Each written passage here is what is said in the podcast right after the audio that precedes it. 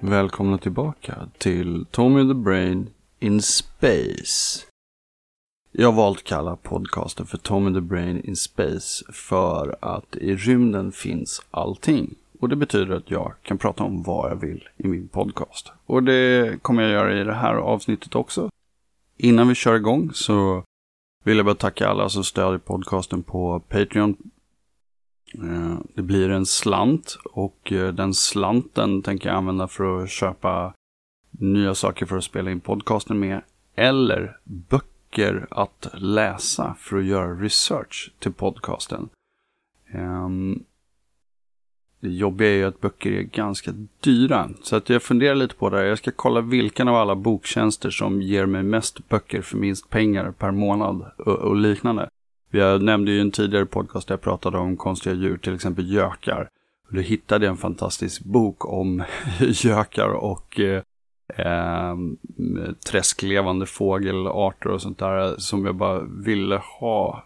Den, den var jättedyr den boken. Typiskt så är, ju mer akademisk en bok är, eh, desto dyrare och svårhittad kan den vara.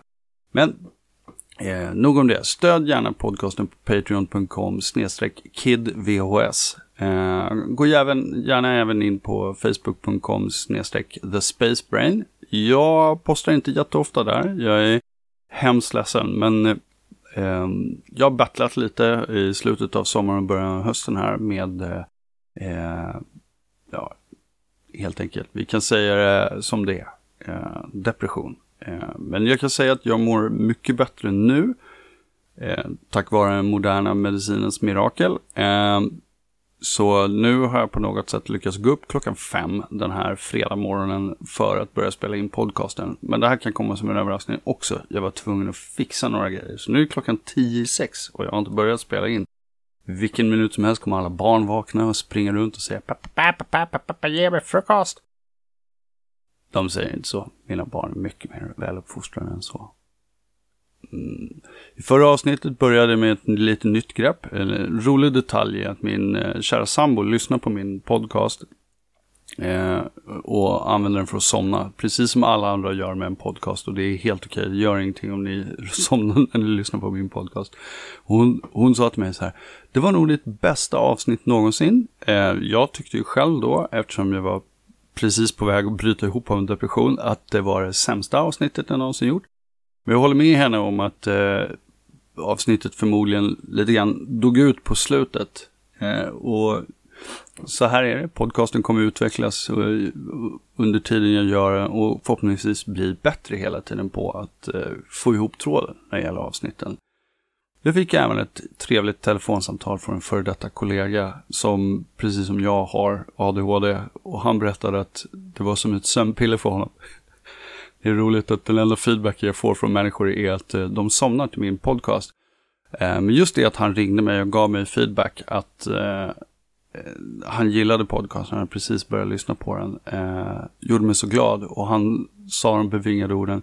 Jag har börjat tänka på ljusets hastighet. Om jag får en enda människa att tänka på ljusets hastighet, en människa som normalt kanske inte tänker på ljusets hastighet, ja då är jag nöjd. Då är jag riktigt nöjd. Jo, jag sa någonting om förra avsnittet. Jo, jag började med lite så här filmtips och boktips och serietips.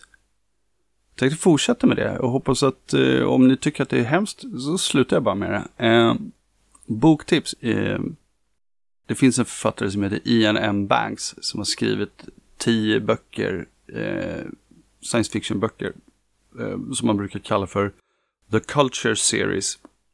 Och eh, jag kan rekommendera de böckerna. Eh, det är bara att dyka in. Den första boken heter Consider Fleabas. Eh, och jag vet inte vad den heter på svenska. Jag läser allt på engelska.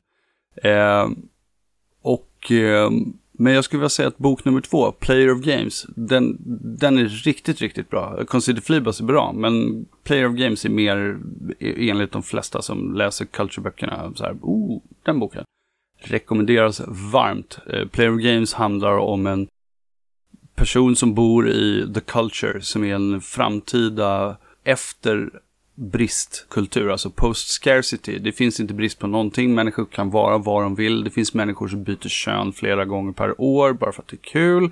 Det finns människor vars jobb är att designa planeter. Eh, som konst eller för folk att bo på. Man kan bo var man vill, man kan göra vad man vill. Man behöver inte göra någonting förutom att bara hedonistiskt leva och ha roligt hela livet. Den här kulturen och civilisationen kontrolleras av superkraftfulla fyrdimensionella AI-enheter, minds, som eh, ser till att människan har allt de vill ha eh, och att vi lever för evigt i praktiken. Eh, och huvudpersonen i den här boken är en kille som är typ eh, The Cultures bästa sällskapsspelare. Och han har ganska tråkigt. Han tycker det är lite pointless med alltihopa. Så han får en möjlighet att åka och spela ett sällskapsspel som är på riktigt i en mer underlägsen civilisation som ligger i en eh, av våra närgalaxer. De kallas Magellanska molnen. De ligger utanför Vintergatan. Och han får åka dit och spela deras sällskapsspel som är, styr och bestämmer allting i den kulturen. Den som vinner det spelet blir kejsaren och eh, kommer man tvåa så blir man inrikesminister och sånt. Och jag säger inte mer än så. Det är en fantastisk bok. Den, den är riktigt bra. Den kan jag rekommendera. Eh, nyligen så var det också så att jag satte mig ner, jag vet inte hur ni är, men jag brukar bygga upp sådana här enorma listor och tankar kring den här filmen vill jag se. Jag vill verkligen se den här filmen. Men när, sen när man sätter sig ner och tittar på en film, då vill jag se någonting som får mig att skratta så att det kommer mjölk ur näsborrarna. För att existentiell ångest och skräck inte nödvändigtvis är högst på listan när man sitter en vanlig fredag och äntligen får lite tid tillsammans med sambon för att bara sjunka ner i, i tv-soffan och kolla på en film. Det är ett intressant fenomen, att eh, vad man skulle vilja se om någon frågar en så här, vilken film skulle du vilja se? Så kanske man räknar upp. Jag tar ett urgammalt exempel här, Schindler's list. Eh, men när man väl kommer till skott så väljer man att se Dum och Dummare. Så jag har en ganska lång lista av filmer som jag skulle vilja se. Som ryska filmer om eh, kristendom på 1400-talet och sånt där. Så tre timmars svartvita historiska filmer gjorda i Sovjetunionen. Det är, det är inte det jag sätter mig ner och tittar på till vardags. Men jag har även moderna filmer på den här listan. Och nu lyckades jag se en av de filmerna. Den heter Prospect huvudrollen spelas av Pedro Pascal, han som spelar The Mandalorian i Mandalorian och även spelade, jag tror han heter Oberon faktiskt i uh, Game of Thrones. Han spelar även en av huvudrollerna i tv-serien Narcs och spelar även skurken i den kommande Wonder Woman-filmen, Wonder Woman 1984. En fantastisk skådespelare. Och Prospect är en liten härlig lågbudget indie science fiction-film som så fort den startade så bara hade den mig. För att produktionsdesignen är VHS-estetik. Liksom allting är trasigt och dåligt. Den handlar om en pappa och en dotter som åker med något fraktskepp till en gudsförgäten planet i utkanten av det civiliserade universum för att göra ett jobb. Vi vet inte riktigt vad det är för jobb, men vi förstår ganska snart att de lever i utkanten och på botten av det här framtida samhället. Och de måste ge sig ner till den här planeten och lyckas göra sitt jobb, hämta en sällsynt resurs som finns på planeten som är mystisk och farlig. Inom en väldigt kort tid, annars missar de sitt fönster att åka med det här fraktskeppet tillbaka. De lever på botten och det är en, eh, det är en härlig film om eh, förtroende och Eh, det finns ingen exposition i den här filmen. Det är ingen människa som någonsin stannar upp och förklarar hur saker och ting ligger till. Det är mest två personer som sliter sig fram med dåliga rymddräkter på en hemsk planet och hamnar i situationer som är lite för svåra för dem för att hantera. I liked it från början till start. Det är inte säkert att du gör det, men allting i den här filmen är genomtänkt och eh, de verkar ha haft en budget på liksom motsvarande kanske 10 miljoner kronor, vilket låter mycket, men för en amerikansk film är det ingenting. Jag vet inte ens om det var så mycket pengar. Det är, det är ett jobb de har gjort med kärlek. Eh, och jag tror en, sist jag kollade så fanns den på Amazon Prime. Tv-serier, jag tipsar om det också när jag ändå är igång. Det har gått 10 minuter av den här podcasten och ingenting av värde har sagts. Jo, The Boys, eh, Amazon Prime. Sjukt bra tv-serie. Säsong 1 var trollbindande. Skapad av en kille som heter Garth Ennis som är en serieförfattare. Alltså baserad på en serietidning. Han har även gjort en serie som heter The Preacher. Som också har blivit tv-serie, men den gick tyvärr på en vanlig tv-kanal. Så den kunde inte vara som serietidningen. Och serietidningen är det värsta och det bästa jag har läst. Den är hemsk. Folk dör till höger och vänster och humorn är svart. Otroligt svart. Samma sak är det i The Boys. Den handlar om en värld där liksom superhjältar finns. Men superhjältar är eh, maskotar för ett jättestort företag. Eh, och allting är PR och fasad och yta. Och den som är Stålmannen, som har laserblick, kan flyga och är superstark. Han är naturligtvis maktfullkomlig och alla är rädda för honom. För det skulle vi förmodligen vara om Stålmannen fanns. Givetvis inte Stålmannen som han är, som är uppfostrad av två goda föräldrar i Kansas och bara så här, åh, jag måste göra goda saker. Men tänk om Stålmannen var lite mer som en riktig människa, lite självisk ibland, lite galen och sådär. Och tv-serien följer en kille vars flickvän blir påsprungen av eh, seriens motsvarighet till Blixten, A-Train. Och när man blir påsprungen av någon som springer flera hundra kilometer i timmen så, så dör man naturligtvis. Och, och, han får en summa pengar för att liksom eh, hålla tyst och tacka och ta emot. För det är så de gör. De bara betalar för folks tystnad varje gång det går fel. Och sen fortsätter tv-serien från den premissen. Fantastiskt roligt. Väldigt vuxen. Jag kan inte rekommendera den för någon under 15 år. Jag har också bestämt mig för att jag ska tipsa om bra podcaster och bra YouTube-kanaler. Jag har ingen YouTube-kanal på gång. Jo, det har jag. Jag kan faktiskt tipsa om en. Det finns en som heter Veritasium. Ungefär, stavas ungefär som det låter. En fantastisk kille, jag håller på länge eh, och förklarar fysik och matematik med ganska långa videos. Men där han går ganska mycket på djupet och lägger ner tid på att i lugn och ro förklara både praktiskt och med illustrationer. Trevlig. Och veckans podcast som jag tippade, eh, veckans, förra avsnittet kom för en och en halv månad sedan. Veckans podcasttips. det var kul Tommy. Eh, podcasttipset, eh, Daniel and Jorge Explain the Universe. Jorge. Det är svårt att säga det spanska, George eller Georg. Eh, det är en podcast med Daniel, ah, jag har glömt bort vad han heter i efternamn, men det är inte viktigt vad de heter i efternamn. Daniel är eh, kärnfysiker och har jobbat på CERN eh, Connection. Och Jorge är, kanske har en ingenjörsexamen, mer än vad jag har. Eh, och han är numera serietecknare. Lite ungefär som att jag en gång pluggade till byggnadsingenjör och numera är webbutvecklare. Yay! De förklarar universum.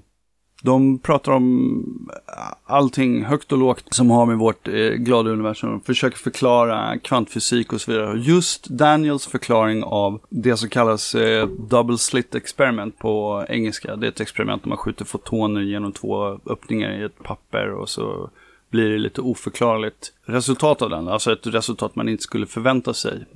Och ett resultat som ändrar sig beroende på hur man sätter upp experimentet. Som bara kan förklaras med kvantfysik och någonting som kallas för vågfunktionen, wave function. Eh, och när han förklarade det så lyckades jag koppla ihop den bakomliggande liksom, matematiken och vad, vad det faktiskt är som händer när de här fotonerna passerar och träffar på olika ställen i, på ett sätt som kanske inte var förutspått. Liv på Venus. Det finns ju inget liv på någon annan planet i solsystemet än jorden. Eller gör det det? Ja, vi ska djupdyka i det här. Venus är ju den planet som ligger närmast oss och som vi kan se tydligast med blotta ögat. Och Venus har precis som Mars alltid haft en speciell plats i vår observationshistoria. Redan de gamla allihopa, människorna, noterade den starkt lysande stjärnan vid horisonten vid soluppgång och solnedgång. En väldigt speciell planet och precis som Mars så har vi länge fantiserat om att det skulle finnas liv på den. Mars gjorde man ju observationer för länge, länge, länge sedan av kanaler på planetens yta och det sporrade ju igång en väldig så här, oh, det kan finnas marsianer, små gröna män på Mars och, och det fanns hopp om att det kunde finnas liv där. Det visade sig sen att det här var bara ett fenomen där våra hjärnor fyller i bristfällig information och bildar streck av det som egentligen bara var tättliggande kratrar. Nu, flera hundra år senare, så skickar vi sonder till Mars i ett. Bara i år, under sommaren, så skickades det faktiskt inte mindre än fyra uppdrag till Mars med sonder och rovers och liknande. Ja, jag kommer göra ett avsnitt om det, men en av de här sonderna, en av de här roversernas uppdrag är alltså att samla ihop materia från Mars yta som med tre följande uppdrag, jag tror det är tre eller två extra uppdrag till, kommer skickas tillbaka till jorden på ett väldigt komplicerat sätt. Där ett av momenten faktiskt är att en rymdsond ska åka upp i den undre atmosfären och skjuta ut en fotboll i rymden. Som sen ska fångas upp av en annan sond som råkar vara i omloppsbana. Jag gillar NASA och deras idéer, för allting är lite svårt. Men hur som helst, Venus och liv på Venus då. Faktum är att man har länge tänkt sig, precis som för Mars då, att det skulle kunna finnas venusianer. Men observationen visar att Venus är väldigt täckt av moln, har en väldigt tjock atmosfär, så vi kan inte se Venus yta från jorden. Så enda sättet att ta reda på hur det ligger till i Mars är ju naturligtvis att skicka en sond dit. Och det gjorde Sovjetunionen på 80-talet, så tror jag man faktiskt skickade till ganska hög kostnad inte mindre än fem sonder till Venus. Och de här sonderna, jag kan tänka mig hur det såg ut i det sovjetiska kontrollrummet när sonderna så här, på ryska naturligtvis, men om ni tänker att så här, ja, vi, vi får telemetri och data från sonden att den nu är i den övre atmosfären. Temperatur och tryck är optimala och normala. Och sen bara säger någon kamrat, eh, kamrat eh, superforskare, vi, vi har ett problem. Vadå? Trycket stiger för fort, temperaturen ökar för fort. Det verkar som att planetens yta har ett tryck av 800 atmosfärer. Kan vi skicka bilder? Ja, vi kommer få en bild från planetens yta. Vad består atmosfären av? Det visste man förmodligen innan, för det kan man ju kolla med spek eh, spektrat från planetens ljus. Eh, så kan man se att eh, Venus atmosfär innehåller eh, svavelsyra. Ja, du hör ju. Man, man, kan inte leva i en atmosfär som består av svavelsyra. Men ett problem med svavelsyra är att det fräter på allting. Eh, och ett problem med att ha 800 atmosfärers tryck vid ytan av Venus är att ingenting kan stå emot det trycket. Och temperaturen är också helt löjlig, den är så hög så att bly smälter. Eh, så vi har bilder från Venus yta och det ser ut som helvetet ungefär. Och eh, planeten är ungefär som helvetet. Så där kan det inte finnas liv. Eller kan det det? Jag har ju pratat om James Webb-teleskopet tidigare. Och andra teleskop vi har som Hubble och eh, det finns infraröda teleskop i rymden. Och det finns teleskop på jorden som är fantastiska. Jag har under sommaren eh, dabblat lite med en astronomikurs eh, online. Det finns ganska mycket gratis kurser från universitet i USA, Australien och så vidare. Jag har ett litet finishing-problem och eh, jag kanske nämnde att jag hade lite problem med en depression. Och jag liksom, allting gick bra i den här kursen i början och sen så bara tappade jag musten. Men det var väldigt roligt att titta på föreläsningar om teleskop. Hur ska vi kunna veta om det finns liv på en annan planet? Som är runt en annan stjärna. Det är svårt för oss att veta om det finns liv på en annan planet i vårt eget solsystem. Så man måste klura lite, man måste tänka ut idéer för hur det här skulle kunna gå till. Och ett sätt man kan göra det på är att man tar ett väldigt kraftfullt teleskop, som till exempel vårt framtida James Webb-teleskop eh, eller något annat markbaserat teleskop som är jättekraftfullt. Så riktar man det mot en planet vid, runt vår stjärna eller en annan stjärna med det här väldigt, väldigt kraftfulla teleskopet. Och så försöker man analysera innehållet i atmosfären. Vår atmosfär innehåller 20% syre eller någonting sånt där. Och det kan vara värt att veta att det normala tillståndet, vad det nu ska definieras som, det normala tillståndet för vår atmosfär är att den innehåller koldioxid som bildas bland annat av eh, vulkaniska processer och andra gaser som bildas vid vulkaniska processer som kommer från jorden. Syre förekommer ganska sällan fritt för sig själv i naturen. För det är en kraftfull oxidant. Ordet oxidera kommer från syre, oxygen. Eh, det rostar allting runt omkring sig, så syre är oftast uppbundet med andra ämnen. Och gärna då med kol, för kol är väldigt bra på att binda med andra ämnen också. Så om man tittar på en atmosfär runt en planet som inte har liv, så kan man räkna med att atmosfären ska bestå av kemikalier och gaser som bildas naturligt. Medan syret i vår atmosfär kommer ifrån växters fotosyntes. Det är en biprodukt av fotosyntesen. Den tar ju koldioxiden och med ljusets energi så slår den sönder koldioxidmolekylerna till kol som den bygger sina långa sockerkedjor med och syre som den släpper ut som en oanvändbar biprodukt. Så om vi riktade ett teleskop mot jordens atmosfär till exempel, så skulle vi kunna säga att atmosfären består till 20% av syre, så vi kan vara rätt säkra på att det förekommer fotosyntes på den här planeten. För det är ett av sätten vi vet syre bildas på. Så man kan tänka ut sig andra kemikaliska markörer som skulle kunna indikera liv på andra planeter. Men Venus yta kan det nog inte leva något på. Vi tror att det kan finnas organismer på jorden som kanske skulle kunna leva på ytan där. Men det är så himla dåliga förhållanden på Venus yta så att där finns det nog inget liv. Men atmosfären, högre upp i atmosfären så kommer det både in solljus. Venus yta får nästan inget solljus på grund av att den har så tjockt molnlager med täta gaser.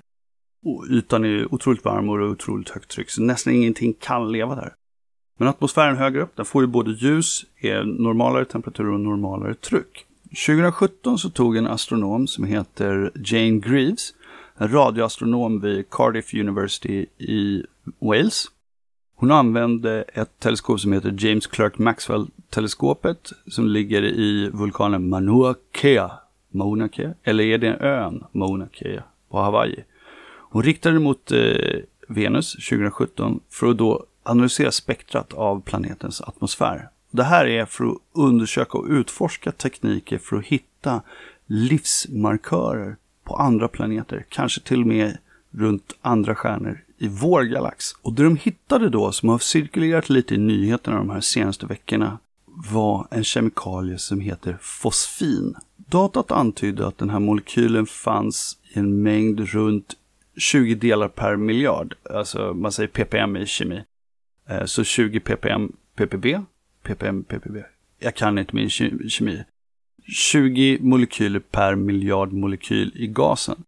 Det är alltså en koncentration som är mellan 1000 och 1 miljon gånger mer än i jordens atmosfär. Och för att citera Jane Greaves då, hon blev chockad över hur mycket fosfin det var i atmosfären.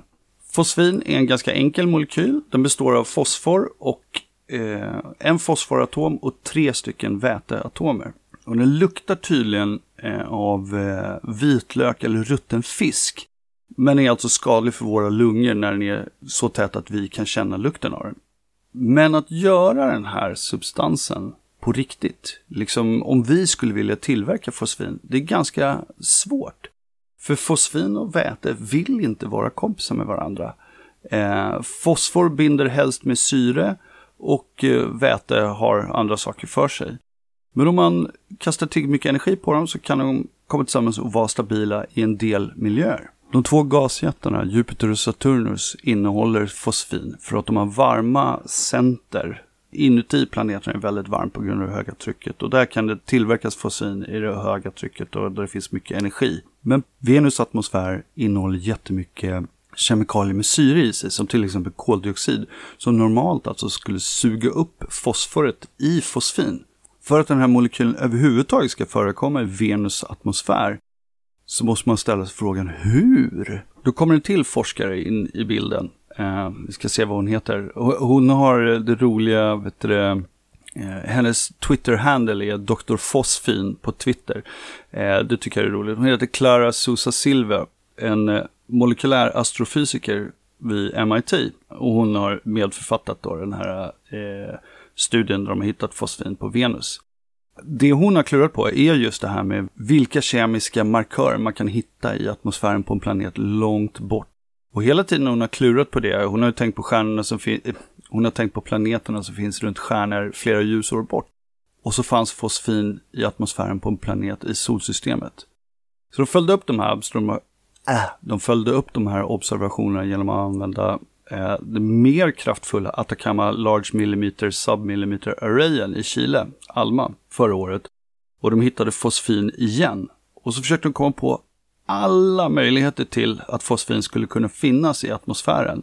Vulkanaktiviteter, blixtar, meteoriter som eh, går sönder i atmosfären. Eh, och det de kom fram till är att alla förklaringar som de kunde hitta på som inte involverade liv på Venus missade mängden som rimligtvis kan finnas givet en sån process. med faktor på 10 000. Naturligtvis kan det finnas fler sätt för att skapa fosfin i Venus atmosfär som det här teamet inte har tänkt på. Men efter att ha tänkt över alla de här möjligheterna som de hade tittat på, vulkanaktivitet, blixtar och så vidare, så var de tvungna att konstatera att en möjlig anledning till att det kan finnas fosfin i Venus atmosfär är att det finns liv i atmosfären. Ungefär 50-60 kilometer ovanför Venus yta så finns det ett atmosfäriskt lager med tryck som är ungefär det som är vid havsytan på jorden och temperaturer mellan 0 och 50 grader Celsius. Om det inte hade varit för molnen av svavelsyra så skulle man kunna ha kallat den här miljön för hemtrevlig för organismer som kan leva på jorden. Men det finns ju organismer på jorden som tål så sura miljöer i till exempel eh, heta källor och det är precis i den här regionen av atmosfären som fosfinet har hittats. Sen 1960-talet så har astronomer också noterat att Venus moln inte reflekterar så mycket av solens ultravioletta ljus som de borde. Borde. Borde. Någonting okänt i Venus atmosfär absorberar det här ultravioletta ljuset. Den här observationen ledde till att astrobiologerna Harold Morowitz och Carl Sagan föreslog att energihungriga fotosyntetiska organismer kanske var eh, bovarna bakom det här försvunna ultravioletta ljuset. Och en modell som släpptes tidigare år visar att Venus kan ha haft ett hav i 3 miljarder år. Ett hav som bara försvann för några hundra miljoner år senare. Det är tänkbart att liv kan ha uppstått på Venus när Venus var mer jordlik och att det här livet blev luftburet när eh, den, vad heter det, växthuseffekten på eh, Venus gjorde att eh, ytan blev obeboelig. Det finns naturligtvis saker som talar emot det. Vi har hittat organismer i vår egen atmosfär som skulle kunna vara liksom en match för konceptet att det kan finnas liv i atmosfären runt Venus.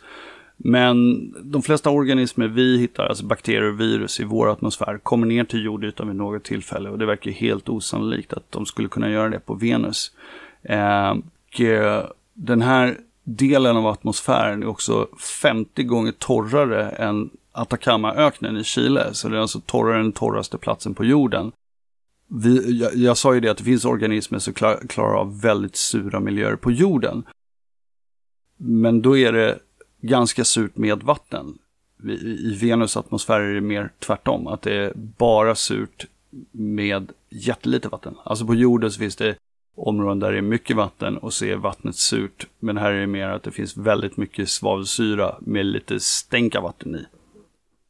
Det här är inte ett 100% case för att det finns liv på Venus. Det här är bara en indikation på att vi måste ägna vår närmaste grannplanet lite mer uppmärksamhet och kärlek.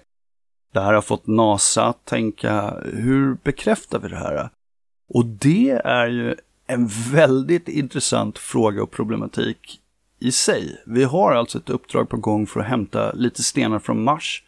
För man är ganska säker på att det kan finnas eh, fortfarande vatten där och att det kanske kan ha funnits eh, liv där. Och det vill man utforska. För det är ganska viktigt utifrån ett grundforskningsperspektiv att visa att det finns liv på andra världar. För då vet vi att sannolikheten för att vi är ensamma i det här universumet är liksom ännu mindre. Men det är också så att vi måste förstå vad liv kan vara. Vår horisont för var det kan finnas liv, hur liv kan leva och hur liv kan se ut har förändrats mycket under de senaste hundra åren med hjälp av forskning. Och det betyder också att det liv vi tänker oss kan finnas ute i universum kan se ut på väldigt många olika sätt. Så vad gör man nu? Vad är nästa steg nu när vi har den här fosfingrejen? Alltså fosfin är bara en markör.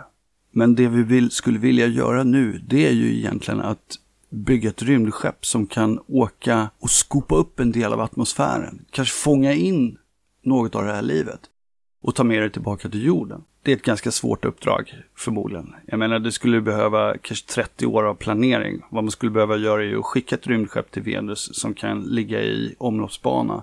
Sen skicka någonting som kan flyga ner och sen lyckas ta sig upp. Eller skjuta upp någonting till omloppsbanan med eh, en bit av Venus atmosfär. Och som sen kan ta det till den här eh, rymdskeppet i omloppsbana och sen skicka tillbaka någonting till jorden.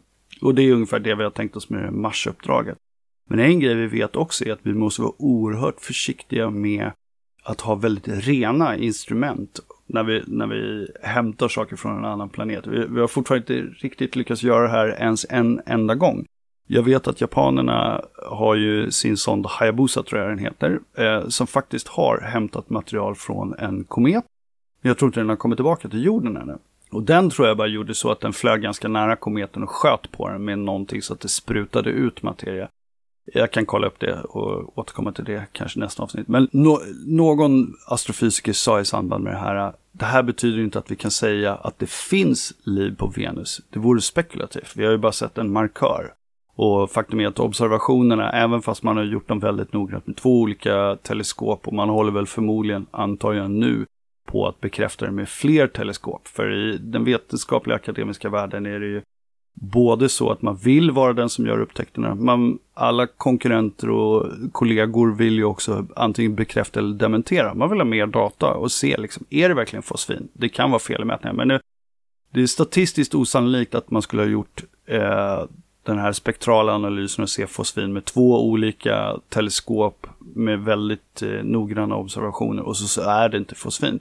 Så nu måste man ju liksom lyckas bekräfta om det är eller inte är fosfin. Vi kan inte säga entydigt att det faktiskt finns liv på Venus. Men vi kan heller inte längre säga entydigt att det inte finns liv på Venus. Jag tycker det är väldigt coolt. Astrofysik och astronomi och kosmologi, det är de ämnena där vi gör fantastiska upptäckter nu. Vi bygger teleskop som kan se jag måste göra ett avsnitt om teleskop, om hur moderna jordbaserade teleskop fungerar. För den här kursen jag gick, eh, den var vid Arizona State University tror jag. Och eh, han som är professor i astronomi där, han, eh, de, de bygger alltså världens största speglar för teleskop. Och det är ganska galet. Som han sa i en av föreläsningarna, vårt fotbollslag är ganska mediokert, men vi är bäst i världen på att bygga speglar för teleskop. Och hela processen med att bygga ett teleskop och montera det. Som, som en kort avslutning kring coola teleskop. Det ska byggas ett teleskop, det håller på att byggas nu och håller på att tas i drift.